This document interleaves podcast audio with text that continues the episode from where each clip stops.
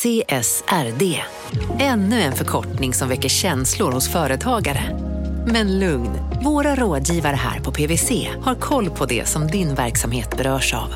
Från hållbarhetslösningar och nya regelverk till affärsutveckling och ansvarsfulla AI-strategier. Välkommen till PWC. Välkommen till Momang, ett nytt smidigare casino från Svenska Spel, Sport och Casino där du enkelt kan spela hur lite du vill. Idag har vi en stjärna från spelet Starburst här som ska berätta hur smidigt det är. Jaha, så smidigt alltså. Momang, för dig över 18 år. Stödlinjen.se. Nej. Dåliga vibrationer är att gå utan byxor till jobbet. Bra vibrationer är när du inser att mobilen är i bröstfickan. Få bra vibrationer med Vimla. Mobiloperatören med Sveriges nöjdaste kunder enligt SKI.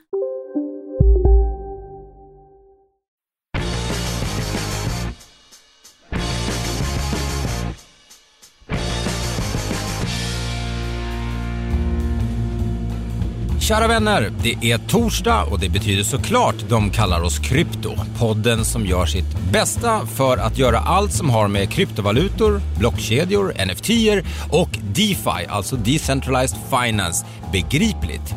Jag som pratar heter Mårten Andersson och är komiker och kryptoentusiast. Eh, och jag gör ju inte den här podden ensam, utan som alltid vid min sida ekonomijournalisten Gunnar Harpan Harrius. Hej, hej Mårten, hur mår du? Jag mår, jätte- vet du vad, jag mår otroligt bra idag. Ja, Jag åkte ju på vinterkräksjukan från helvetet alltså. Ja. Serbisk vinterkräksjuka. nej den vill man inte vara med om.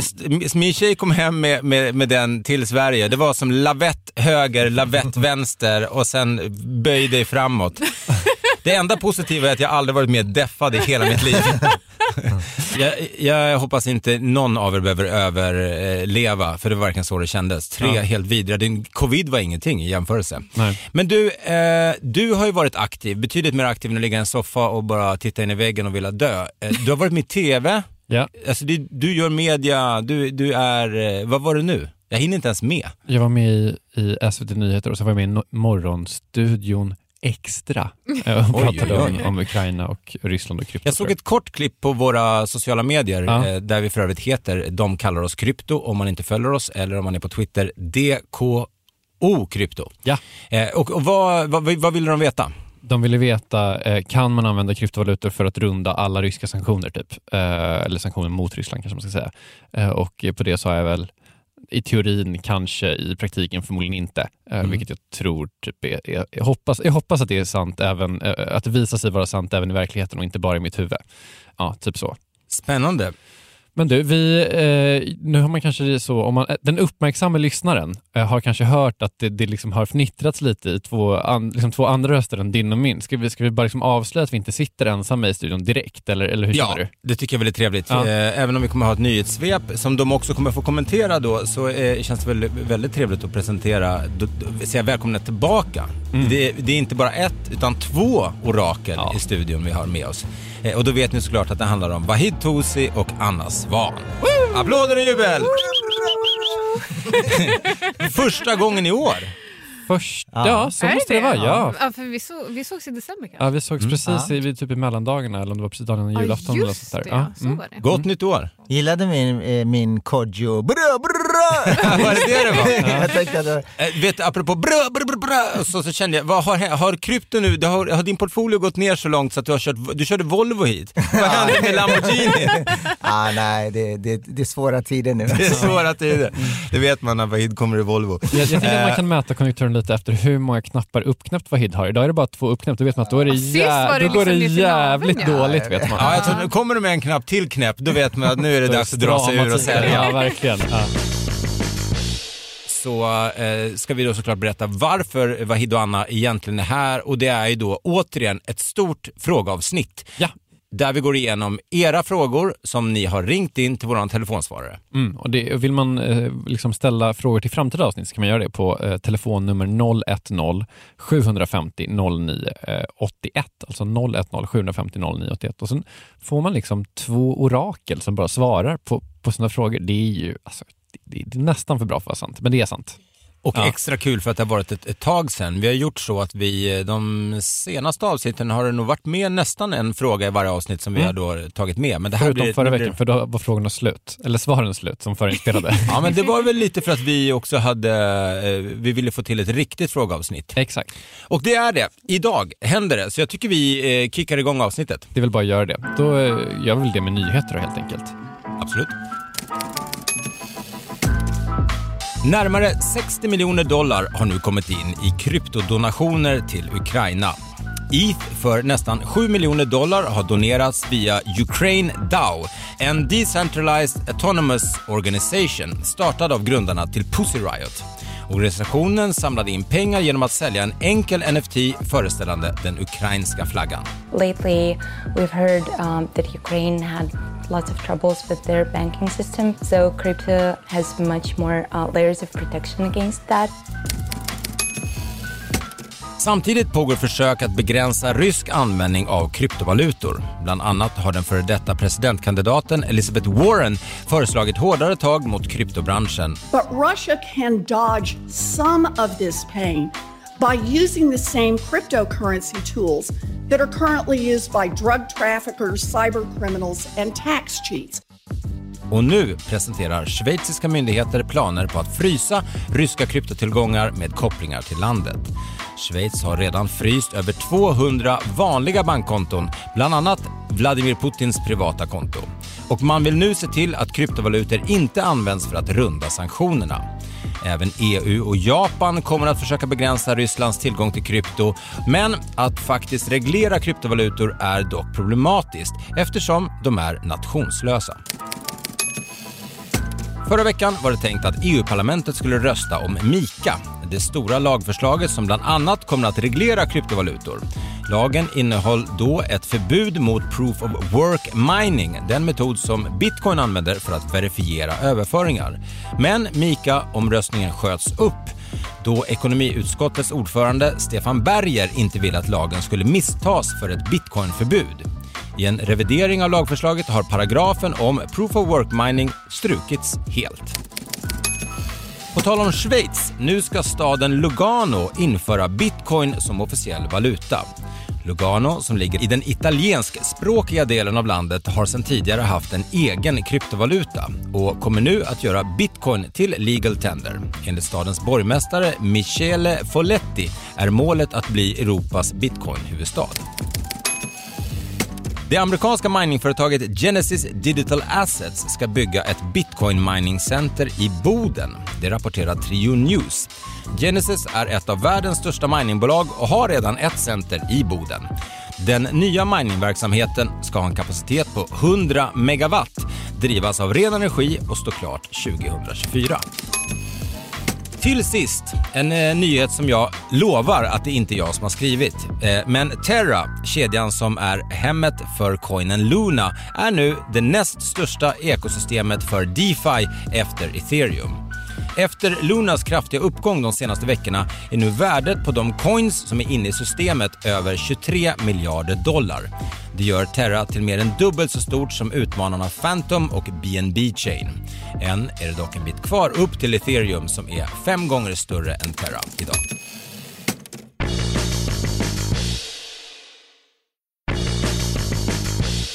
Oh, eh, det var nyheterna för idag. Matigt mm. Mycket. kändes det. Det har ju hänt mycket också. Ja, eh, och det känns som att man, eh, jag kände mig nästan som en seriös nyhetsuppläsare för att koncentrera mig för det var så otroligt matigt. Men det är ju sådana tider.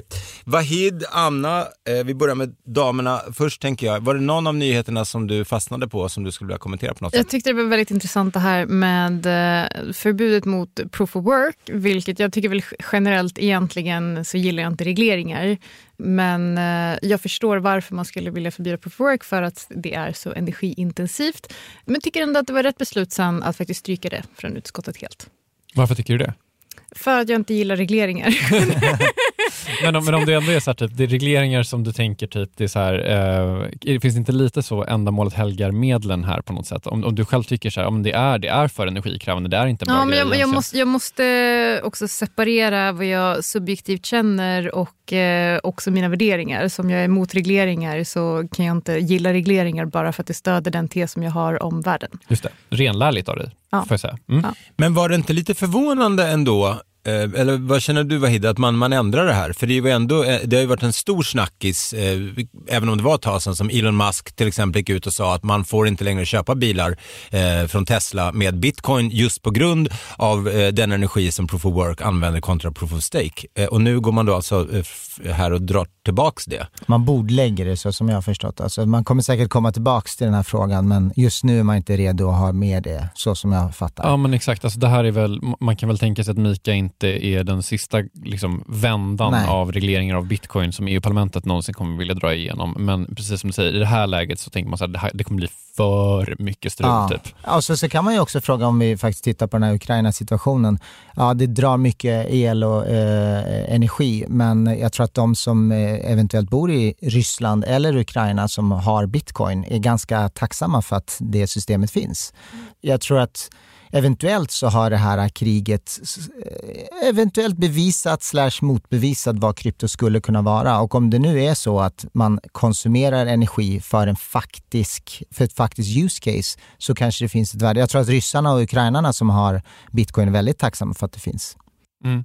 Det, vi pratade om det där lite förra veckan, att det finns liksom två potentiella takes här. Antingen kan man se det som händer i Ryssland och Ukraina som så här, det här är bevis på att bitcoin behövs. Vanliga människor kan, kan använda kryptovalutor för att liksom behålla sina besparingar och det andra caset är så här, ja men nu kan eh, Asier Usmanov liksom, eh, likvidera alla sina tillgångar och, och flytta ut dem i Ryssland utan att någon märker det. Vad- alltså, jag anar ju liksom vad, vilken av de här två takesen som ni stödjer, men om man tar liksom den, den större frågan här, tror ni att någon av de här takesen kommer få fäste? Jag hoppas den första. Jag hoppas att det här att det faktiskt finns ett viktigt use case i nödsituationer för vanliga människor. Och att det inte är så att man fastnar vid liksom, take nummer två. Ehm, Ja. Det är vad jag känner i alla fall. För någonstans så får man också separera. Liksom, okay, så här, ska man, eh, är det en oligark vars handlingar som man ska, som man ska fundera över? Eller liksom miljontals personer som nu kanske faktiskt har möjlighet att få mat på bordet för att de har tillgång till pengar som de kanske inte hade haft annars. Mm, precis. Sen, eh, jag menar, kriget började den 24 om jag minns rätt, på en torsdag. Och då kom också Ukrainas officiella Twitterkonto kom ut och sa nu tar vi emot BTC och eh, ETH-donationer. Eh, och inom ett dygn så hade man fått ett par miljoner dollar och sen på fredag, ja men då går banker på semester. Eh, då är vi stängt fredag, lördag, söndag men kriget fortsätter och donationerna fortsätter. Och eh, centralbanken i, eh, i Ukraina går ut den 26 och stänger alla eh, digital transfers. Man kan inte skicka pengar till varandra och man kan inte skicka USD eller euro. Vilket gör att så här, okej, hur gör man?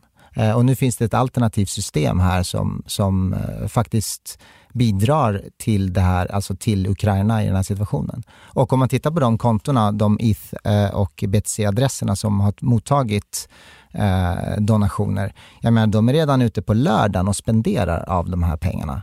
Och hade det varit normalt banksystem så, ja men då får vi väl vänta tills onsdag, torsdag nästa vecka. För att det tar några dagar och så vidare. Hold your fire. We're Ja men exakt, precis. Not on Saturday, Sunday. liksom, så att, alltså, eh, och jag är lite grann inne på det du säger Anna här. Ska man, ska man för att en oligark potentiellt i teorin, väldigt mycket i teorin, eh, ska flytta en miljard dollar in på att och köpa bitcoin. För att han inte ska kunna göra det så ska man liksom stänga för resten av 99,9% av befolkningen. Det känns ju helt orimligt.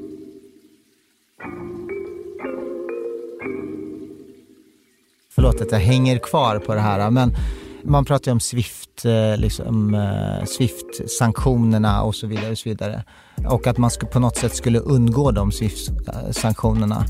Jag tror att det, det känns extremt stort claim. Alltså att, att en oligark ska ta liksom sina, I mean, eh, om vi tar eh, Abramovic. Han skänker bort Chelsea och säger det ska gå till proceeds till Ukraina. Det ger ju lite grann fingervisning vilket belopp han sitter på. Om man kan bara ge bort ett fotbollslag sådär. Och han då skulle ta sina yards och börja peta in i bitcoin ethereum för att undgå. Jag tror att det är inte så man sätter stopp på det. Nej, Eh, och jag tror också att det, folk skulle märka det. Ja, dessutom. precis. Absolut. Och bitcoin är ingen bra grej att tvätta pengar på. Det är väldigt spårbart och på något sätt ska det ju komma från fiat. Mm. Exakt, så Eh. hur, hur ska de ens göra den initiala överföringen Nej. från början? Liksom? Det känns eh, ytterst osannolikt. Jag tror det om politiker vill tvätta upp det, då kanske de ska börja med London, eller även kallad Londongrad, eh, och börja tvätta upp alla oligarker som bor där och, och har haft sina skalbolag och allt vad det är. Så att, att det här att bitcoin ska vara någon haven, ah, det känns ganska osannolikt. Kort, eh, kort svar från er båda två mm, på det här. Eh, om man nu sitter och lyssnar och tänker så här, ja men kriget har ju påverkat kursen kanske mindre än vad man trodde. Det gick ner lite grann och sen började det faktiskt gå uppåt istället för nästan allting. Eh, och nu är det väl kanske gått ner lite grann. När jag tittade precis innan vi gick in i studion så låg bitcoin runt 39 000 dollar. Eh, eh, Inget finansiellt råd, men hur, hur ska man tänka nu i, i krigstider kring sina investeringar? Jag tror generellt att eh, geopolitik är en sån grej som är snarare liksom brus för alla typer av finansiella marknader snarare än en viktig signal. Jag tror fortfarande att det är lite som jag brukar säga så här, om du ska inte köpa guld när det blir krig, du vill redan ha ägt guld då, för det är då det sticker iväg i pris. Eh, och sen så brukar det toppa och så faller det tillbaka. Eh, så jag skulle säga att man ska egentligen fundera på varför skulle jag vilja äga bitcoin eller ether eller vilken kryptovaluta det nu är långsiktigt oavsett om det är krig eller inte. Och om det är så att kursen får en kortsiktig rekyl på uppsidan, köp inte då för det kommer faktiskt falla tillbaka. Eh, och jag står fortfarande fast vid vad jag sa när jag var här i december, att jag tror att det här kommer vara liksom ett ganska mellanår för krypto. Jag tror inte alls att vi kommer se nya all time highs förrän nästa år egentligen. Så um, låt inte det som sker nu påverka ditt investeringsbeslut utan fundera på okay, vad är det riktiga caset för krypto. Jag skulle definitivt säga titta på penningpolitiken. Och jag vet att eh, kommande räntehöjningar från USA, nu får vi se om det faktiskt sker, att folk är väldigt rädda för det och tror att okej, men då kommer det bromsa in inflationen och då kanske inte alls är bra med bitcoin. Men om man tittar på till exempel guld, då, om man ska jämföra guld och bitcoin, så ehm, första räntehöjningen eh, som brukar vara en signal för att nu måste vi faktiskt bekämpa inflation, eh, är också verkligen startskottet för liksom, rally i guldpriset. Och jag kan tänka mig att eh, Eh, vi kan se ett liknande kris i krypto om det nu är så att krypto på riktigt är en hedge mot hög inflation. Jag kikade på guldpriset versus bitcoinpriset sen kriget började. Båda har gått upp ungefär någonstans mellan 3-5 procent beroende på hur man tittar. Så att, eh, sen, dock är dock guld en, liksom en, en eh, tillgångslag som är tio gånger större. Så att egentligen för att bitcoin ska motsvara kanske 3 procent inte räcker. Guld kanske var bättre om man säger så i, i det här läget. Dock så tänker man så här, hur många fler användare har guld fått med, tack vare det här kriget och hur många fler användare har bitcoin fått i det här kriget? Jag skulle nog säga att det är väldigt få i Ukraina som tänker så här, nu ska jag gå och köpa guldexponering på börsen. Eh, eller i Ryssland för den delen, för deras börs är stängd. Så jag tror att customer onboarding har varit betydligt bättre för bitcoin i det här kriget versus guld. Och jag håller med och jag vill inte egentligen jämföra guld och bitcoin. Det var mer bara en enkel analogi att göra. Eh, jag tror inte att det ena eller andra är bättre i just det här sammanhanget. Jo, definitivt bättre om du äger bitcoin då för att du kan faktiskt använda det om du skulle behöva köpa mat till exempel. Eh, men jag tror att man ska egentligen zooma ut och titta Mm. långsiktigt. Mm. Och inte köpa för mycket på kortsiktiga uppställ. Vilket jag tror att, eh, att det här skulle ha varit om, guld, om bitcoinpriset och det stickit, stuckit iväg på samma sätt som guldpriset. Mm. When in doubt, zoom out har du sagt någon gång till mig Mårten. Ja, Men Ja, det är visaste bra. jag har Ja, hört. verkligen. Snorden. verkligen. Eh, det andra liksom stora temat som dykt upp kring hela Ryssland och Ukraina, eh, grejen tänkte jag säga, hela Rysslands invasion av Ukraina och det som hänt därefter eh, har ju handlat om regleringar i väldigt stor utsträckning. Eh, olika myndigheter som vi hörde i nyhetssvepet har ju liksom bett om olika regleringar på olika delar av kryptomarknaden. Eh, liksom parallellt med det, eller samtidigt som det här har hänt så har ju också Metamask och OpenSea stängt av Iran och Venezuela. Det, det finns liksom någon slags potentiell regleringsvåg. Anna, vart ser du att, att vi är på väg där? Känner du att det liksom är, känner du likt jag att det finns att krypto står vid ett vägskäl här eller är det bara någonting jag hittar på i mitt huvud? Nej, men det tror jag absolut. Sen hoppas jag ju att, eh, att vi slipper ha så, så, mycket, så mycket regleringar. Som jag sa i början på det här avsnittet så eh, tycker jag generellt inte att regleringar är en, eh, en bra grej. Men jo, eh, och, och jag tror också att jag menar, krypto har vuxit och blivit ett så pass stort djur att det går liksom inte att ignorera längre. Och eh, Stater vill inte tappa kontroll, centralbanker vill inte tappa kontroll och eh, det enda de vet hur man gör är regleringar. Eh, men det är också svårt, för jag menar, de är ju statslösa, kryptovalutor. Nu känner jag att eh, det, är dags att kasta oss över våra lyssnarfrågor. Där alltså ni som lyssnare kan ringa in till våra orakel och när det har kommit in tillräckligt mycket frågor, ja då ringer vi in Anna och Vahid som får svara på alla era tankar kring då allt från blockkedjor och NFTs till kryptoscams och allt vad det kan vara. Och då ringer man på 010-750 0981 och det har bland annat den här personen gjort. Hej, Ello här från Mälarhöjden det här med avgifterna, eller gas fees, för ETH verkar ju vara ändå ett problem just nu. Hur ser det ut framöver? Kommer de att sjunka för att det är en liten hämsko för ETH, tycker jag det ser ut som. Ja, nej, men jag skulle säga så här. Under hela förra året så var äntligen stigande gasfis ett ganska stort problem. Men sen så såg vi en lokal topp den 10 januari i år och sen dess har gasfis gått ner typ 80 procent. Det här kan bero på lite olika saker. Dels så har eh, antalet eh, transaktioner on average per dag gått ner sen slutet på november förra året. Vi ser också mindre värde som är lågt i DeFi. Eh, värdet på ETH har gått ner. Så det finns liksom massa saker som gör att, jag menar, man skulle kunna säga så här, efterfrågan på att få göra transaktioner på ETH har gått ner. Eh, och det gör också att eh, eh de här avgifterna också sjunker. Vad är din take på det? Nej, men exakt så. Man kan gå in på etherscan.io och så finns det en, eh, en flik där man kan kolla liksom hur mycket kostar det just nu att skicka en ethereum. Men om man, om man blickar framåt och tänker hur kommer det se ut när man, eh, man, om man går till den här eh, från proof of work till proof of stake. Om vi då tror att vi kommer ha en efterfrågan som är konstant. Vi leker med den tanken, det kommer det såklart inte vara, den kommer förhoppningsvis öka. Eh, men att vi har eh, vuxit vår, liksom, vår kapacitet på kedjan med, i, i termer av transaktioner per sekund har ökat mer än efterfrågan. Det snackas ju om med, med sharding eh, och med eh, nya tekniska lösningar så ska man klara av 10 miljoner transaktioner per sekund.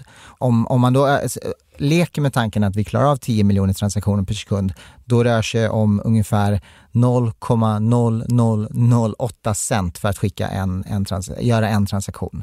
Så att det finns en tanke kring hur man löser det här men um, det beror på hur, hur det går. Jag tror, jag tror att det är svårt att säga, men det finns en lösning. Nej, och jag håller med. Jag, jag, jag tror absolut att det, det, kommer både bli dyrare och sen billigare igen. Så jag tror att eh, gasfis kommer vara liksom ganska volatilt framöver och det kommer också bero på hur många försöker göra transaktioner i, eh, samtidigt. Mm. Det är ja. inte så här 13 juni är allt löst för då händer exakt nej, det här. Nej, nej. nej. Tyvärr. Mm. För det handlar om hur många som, som du är inne på Anna också, hur många som faktiskt använder det. Eh, det, eh, som datan säger, vi ska ha en miljard användare 2025. Eh, så att, och det är ungefär en 5x härifrån där vi är idag. Så. Men jag tror också, nu tror jag väldigt mycket på ethereum, men jag tror att de som utmanar ethereum i det som har så länge kallats för ethereum killers. Vissa av dem har väl fallit bort men eh, datan visar ju att en hel del trafik har flyttats dit också Absolut. och en hel del pengar så det kan säkert också spela in. Absolut. Alltså ethereum har ju massa roll-ups idag, det är layer 2 så det är varianter på det så att i, ja, i, i praktiken så görs det fler transaktioner än bara på ethereum. Man använder ethereum som säkerhet men transaktionen ligger på ett layer 2. Mm.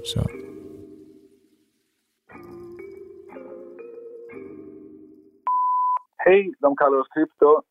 Helt grym podd. Eh, den bästa stunden på torsdagar. Eh, jag skulle behöva någon som reder ut miners fees. Kan någon snälla reda ut hur miners fees funkar? Det funkar ungefär som en budgivning. Man, om, om det är viktigt så skickar man med Express. Om det är inte jätteviktigt så skickar man med standardpost. Och om det är viktigt för att din transaktion ska gå igenom snabbt, eh, då sätter du en prio på det. Om det inte är det så gör du inte det. Och så, så tar minerserna i den ordning som folk har betalat för någonting. Så att om någon betalar mycket så får de transaktionen eh, snabbare och i förtur och betalar man lite så tar man det så fort eh, det finns plats helt enkelt. Men eh, det här är egentligen någonting som man betalar de här små apparaterna för att de ska genomföra den här transaktionen som de vill göra. Precis, så det är deras eh, incentives, incitament heter det på svenska. Exakt. Eh, för att man ska genomföra den här transaktionen. Och precis på samma sätt som att du inte kan posta ett brev utan frimärke så kan du inte göra en transaktion utan en liten fee. Exakt. Ja, det går att posta utan frimärke också, det är bara att revisorn får gå och hämta ut det. Okej, okay, ja men bra svar.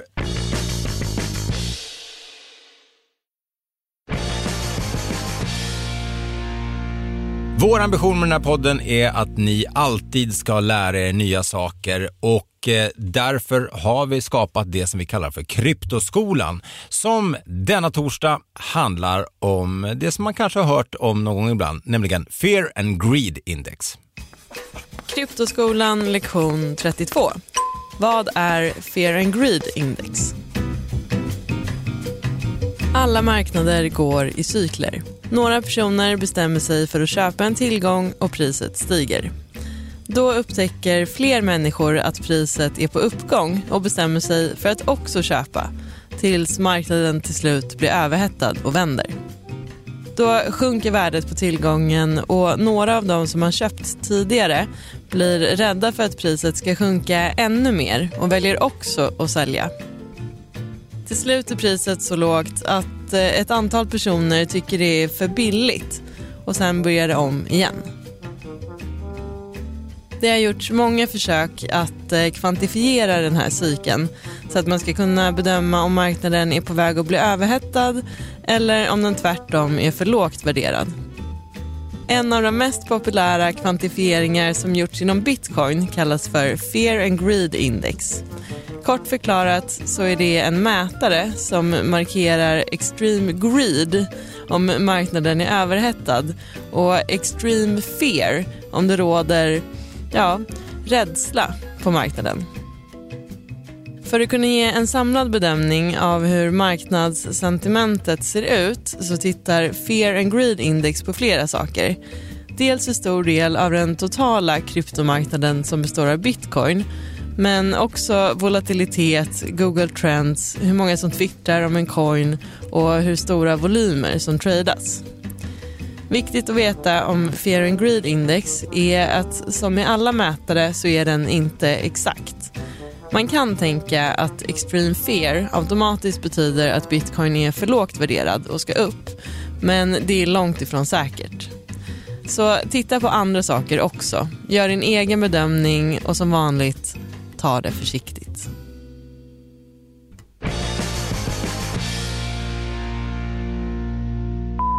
Mitt namn är Fonzie och jag undrar vad ni tycker om XRP och Ripple. Vad tror ni XRP kommer eh, bli i framtiden? Vad tycker ni om XRP, alltså Ripple? Jag undrar varför folk fortfarande pratar om Ripple. Det är väl typ den feedback jag har. Det är väl ändå typ topp 10 coin på olika sådana market cap-sidor eller så, eller? Så så konstigt är det väl inte, eller? Men hur, hur mycket är den här ethereum classic värd? Mm. Nej, hur mycket som helst.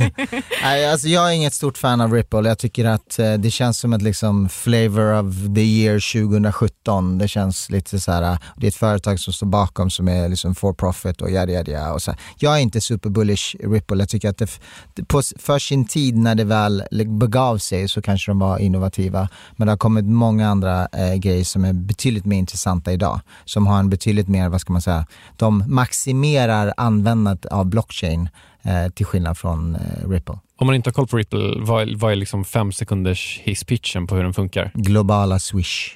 Man ska skicka, företag ska skicka eh, och sätta transaktioner, eh, banker framförallt ska sätta transaktioner sinsemellan. Sen finns det olika liksom, försök till att bringa smart, smarta kontrakt till Ripple och så vidare, men man pratar om att det är liksom en sån interbank communication eh, protokoll. Eh, jag är ganska ointresserad av Ripple. Nej, men jag tror att kanske också en av anledningarna till att vi har fått så mycket frågor till podden om just eh, XRP och Ripple är ju att det eh, har pågått en lång och utdragen eh, lawsuit Mm. rättegång eh, mot dem som fortfarande inte är löst. Och jag tror att många som då är investerade sitter och hoppas på att eh, om den går till Ripples fördel så kommer det bli en rejäl skjuts upp i kursen. Det är väl var- varför jag tror att så många fortfarande inte har släppt greppet om den. Hej, mitt namn är Johan och jag ringer från Karlstad. Eh, jag har en liten fråga angående krypto och företag. Om jag som företagare skulle vilja stoppa undan företagets pengar i krypto som eh, ja, spara pengar i, i det helt enkelt. Hur funkar det och är det en smart grej eh, att sätta undan en del av min eh, vinst i krypto för att låta det växa ännu mera? Eh, tack så mycket för en grymt bra podd. Det är klart det går, men prata med din revisor först. Mårten Andersson, det känns som att du är den som har mest Ja. erfarenhet i den här liksom, frågan. Eh, Men jag kan svara på det. Man, eh, om man satsar som privatperson då så kallas det för ett ISK, investeringssparkonto. Som du Men jag kan... tror att man tänker om man köper de faktiska fysiska coinsen, inte om man... eh, För det är Ja, men man, det, okej. Nej, men det, alltså, om, det är det vi, om det är det du som fråga pratar om, då, då funkar ju inte en kapitalförsäkring eh, utifrån eh, att du har en sån på Avanza eller Nordnet. Men då kan du köpa idag nästan åtta coins, tror jag det finns numera, eh, att köpa fast då den underliggande tillgången, eh, så vill man köpa riktiga Men eh, den, eh, san, sanningen är att det är faktiskt inte jättesvårt. Du köper, eh, du behöver sätta upp ett Coinbase-konto i ditt företag, eller whatever du använder, Safello-konto i ditt företags namn. Eh, och sen så behöver du köpa BTC eller ETH, den tillgången, och så behöver du vid varje bokslut föra ett lagervärde på hur mycket är en bitcoin värd. Och så skriver du ner och upp den eh, år in och år ut. Eh, det är ungefär den den rådan, det, det här, jag vill inte ge skatteråd what- whatsoever, men det är ungefär det som man, man har fått höra. Liksom. Och sen är det väl också, eh, det är väl eh, kanske coolare att äga den riktiga coinsen, men jag tycker ändå man ska fråga sig, Eh, är det värt priset av hur mycket man betalar i skatt på, på de coinsen? För det är ändå 30 procent. Absolut, om du vill då ha riktiga coins, för då har du möjligheten att stejka eh, och massa andra saker där du kan, och airdrops och så vidare. Men om inte det är det du tänker, då skulle jag nog ändå, utan att ge något finansiellt råd, säga att man bör kanske ta sig en titt på att starta en kapitalförsäkring på någon av eh, ja, men Avanza eller Nordnet. Ja, och jag, precis. Jag tror att det man får skilja på här, är precis som Mårten säger, vill jag vara aktiv och kanske kunna stejka mina coins, ja, men då får du titta på möjligheten att, eh, kanske Coinbase eller vad det nu kan vara, och eh, köpa de fysiska coinsen. Och är det bara prisutvecklingen eller den potentiella prisutvecklingen du är intresserad av så funkar det ju bra att köpa certifikat. Ja, och var det, du frågade också om det var en bra, eh, eh, om det var smart att sätta undan en del av min vinst i krypto. Ja, jag har gjort det. Jag kan säga att det var inte så smart. Nej, jag skojar. Eh, långsiktigt tänker vi här. Jaha.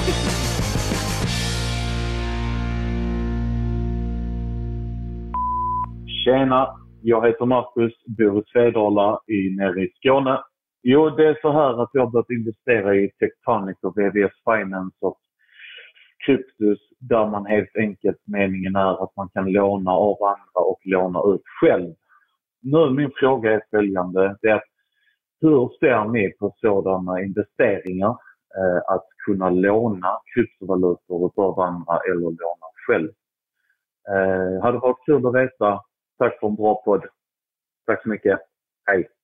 Hela poängen med DeFi är att du ska äga din egen plånbok och du faktiskt äger de pengarna som du har i din plånbok. När du sätter pengar på en vanlig centraliserad bank så ser du summan digitalt på ditt bankkonto. Men samtidigt så går banken och snor de här pengarna och lånar ut dem till andra kunder och du får absolut ingenting för det här. Jag menar, vi har nollränta idag så att banken använder dina hårt tjänade pengar till att ge dem till andra alltså, och så tjänar banken en ränta på det men du får ingenting. Men hela poängen med DeFi är att du ska välja själv. Vill jag stejka de här? Vill jag låna ut de här? Vad ska jag ta betalt för det? Och vem vill jag låna ut till? Vilka projekt och så vidare. Um, så jag tycker att staking och eh, liksom utlåningen på, på DeFi är en av de absolut största use som jag tycker är mest intressant. Liksom ta makten från storbankerna, ge tillbaka till de som faktiskt äger pengarna. För att om vi väljer att sätta vårt kapital i arbete så ska vi få betalt för det, inte bankerna. Men Titanic, VVS Finance och det här. Jag har ingen aning om ingen det. Aning. Nej. ingen aning.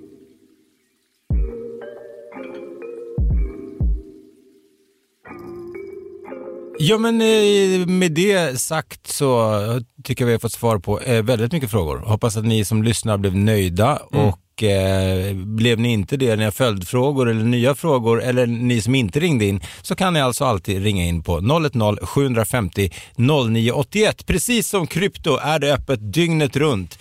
Det är bara eh, ringa in. Det är kryptotelefonsvarare, det enda som alltid är öppet. Ja, exakt så. Eh, Vahid Tosi, Anna Svan, stort tack. Eh, vi, ska vi säga något gott? Vad händer med Hodelsback Vahid innan vi säger hej då? Nej, det går bra. Tack. Tackar som frågar. Ja. Ja, vi lämnar det där. Och eh, Anna? Fucking börsbolag, faller sen någonting. Nej, jag får tyvärr inte Nej, säga och du kanske inte heller får säga så mycket, men vill Jo, du säga jo. någonting? Ja. Nej, men vi, äntligen fick vi ju börja handla i februari. Vi, vi köper ju mycket råvaror, eh, så den tajmingen var ju tyvärr eh, bra. Får man väl säga. Det känns skönt att äntligen vara igång. Men det är fullt kaos fortfarande. Får jag ändå säga. Så, Men du ler när du säger det och det gör mig glad. Det betyder jag att du kanske säga- är, ser ljuset i tunneln. ja, det Det jag kan säga om Hodelsback, det kanske är någon lyssnare där ute som har ett fantastiskt bra bolag som de tycker att vi ska köpa, så kan de höra av sig. Eh, Ni hittar någonstans.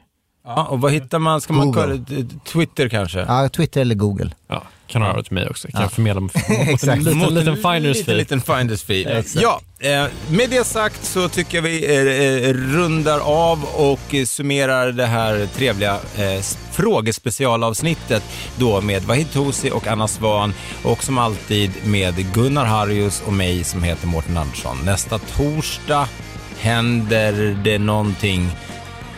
Ja, det händer någonting. Ja. Lyssna då, det blir kanon. Hej då!